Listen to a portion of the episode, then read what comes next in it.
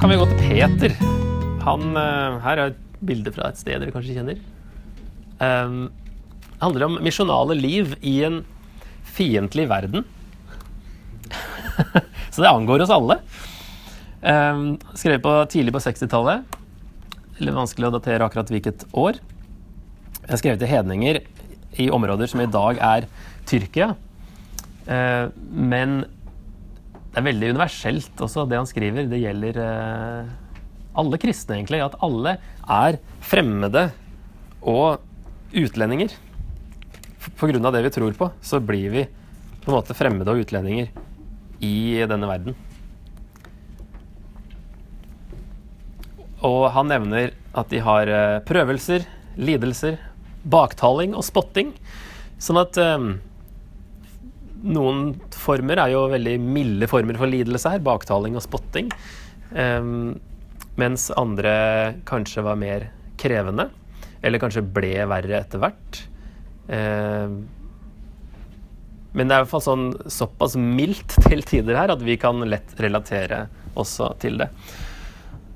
Han um, snakker om å ha håpet om oppstandelsen som sin motivasjon når han åpner brevet og sier at vi har, vi har blitt født på ny til et levende håp ved Jesu Kristi oppstandelse fra de døde. Til en arv som aldri forgår, aldri skitnes til og aldri visner. Den er gjemt i himmelen for dere, dere som i Guds kraft blir bevart ved tro, så dere når fram til frelsen. Den ligger alt ferdig til det blir åpenbart ved tidens ende.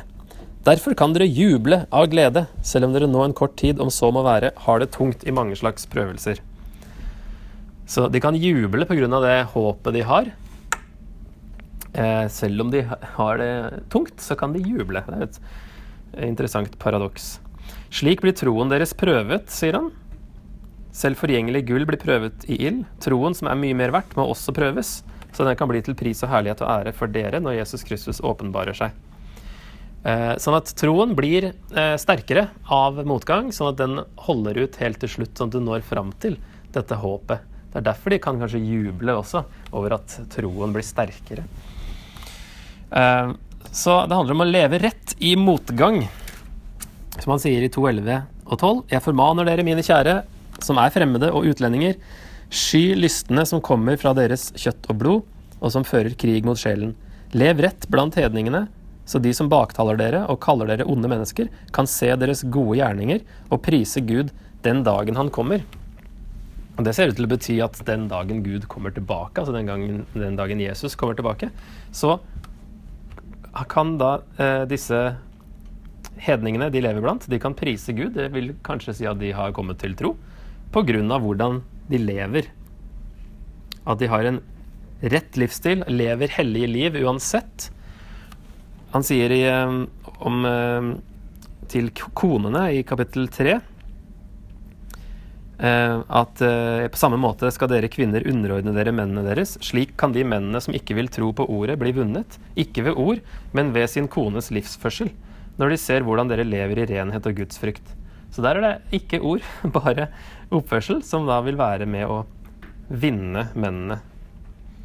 Eh, så livsstil, hvordan du lever, er veldig viktig. Eh, og så skal vi være klar til å svare også, sier han i dette såkalte apologetikkverset, 3.15. Eh, Salig er dere om dere lider for rettferdighets skyld. Vær ikke redde for dem, og la dere ikke skremme, men hold Kristus hellig som Herre i hjertet. Vær alltid klare til forsvar når noen krever dere til regnskap for det håp dere eier. Men gjør det ydmykt og med Guds frykt, så dere kan ha en god samvittighet. Da vil de som baktaler dere for deres gode livsførsel i Kristus, bli gjort til skamme med sine beskyldninger. Ja, han trekker fram Jesus som et eksempel i kapittel 2, i eh, vers 20 og litt utover.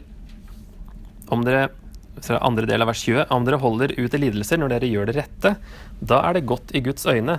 Det var jo dette dere ble kalt til. For Kristus led for dere og etterlot dere et eksempel for at dere skulle følge i hans spor. Han gjorde ingen synd, og det fantes ikke svik i hans munn. Han svarte ikke med hån når han ble hånt, han truet ikke når han led, men overlot sin sak til ham som dømmer rettferdig. Så Jesus svarte ikke med hån, han svarte ydmykt, eller svarte ingenting. Eh, og det er et eksempel som eh, han vil at alle kristne skal følge. Og at Eh, vi er kalt til å lide. Det er en del av frelsen. Til, det er jo dette dere ble kalt til. Så det, det, å følge Jesus, det er også å følge Jesus i lidelse. Og være eh, klar, at, eh, klar, på at det blir vanskeligheter. Um, så det er uh, veldig relevant, fordi Peter Aas skriver til et samfunn som da ikke var spesielt kristent i det hele tatt. Og på en måte så har vi Vi begynner å nærme oss litt det samfunnet igjen med etter sekularisering over lang tid. At um, vi nærmer oss liksom den situasjonen i det første århundret, selv om det var jo fortsatt mye verre da. Men det er veldig relevant brev. Derfor bildet fra Trondheim.